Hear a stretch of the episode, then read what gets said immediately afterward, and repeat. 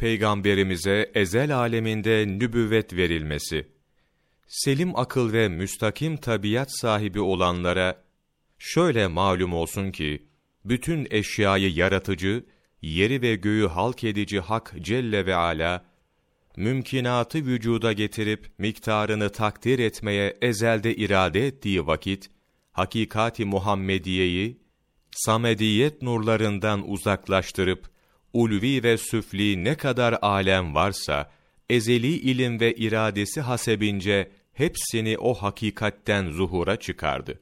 Ondan sonra nübüvvetini bildirip risaletle müjde buyurdu.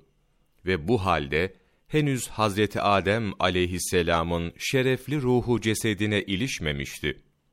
Nitekim hadis imamlarından İmam Ahmet ve diğerlerinin nakillerinde Arbaz bin Sariye radıyallahu an o fahri alem sallallahu aleyhi ve sellem hazretlerinden rivayet etmişlerdir ki ilk peygamber gerçekten de ben Allah katında nebilerin hatemiydim.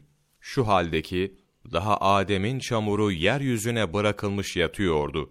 Cismine ruh üflenmemişti diye buyurmuşlardır.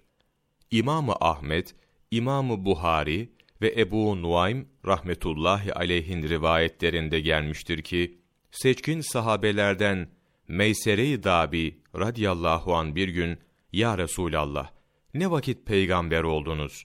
diye sordu. Resulullah sallallahu aleyhi ve sellem, Adem canla ten arasındayken buyurdu. Canla ten arasındayken demekten murat, cismine can girmemişti demektir. Bazı rivayette, Resulullah sallallahu aleyhi ve sellem hazretlerine, Meta kütübe nebiyen, ne zaman nebi yazıldın diye sorulduğunda, Adem canla ten arasındayken ben nebi yazıldım diye cevap vaki olmuştur. Bu takdirde sözü geçen ibareyle Arbaz radıyallahu anh'tan rivayet olunan ibarenin toplamından hasıl olur ki, Resulullah sallallahu aleyhi ve sellem hazretlerinin nebiliği, ezel aleminde vacip, zahir ve sabit imiş. İmam Kastalani, Mevahib-i Ledünniye, Cilt 1, sayfa 23-24, 12 Ağustos Mevlana takvimi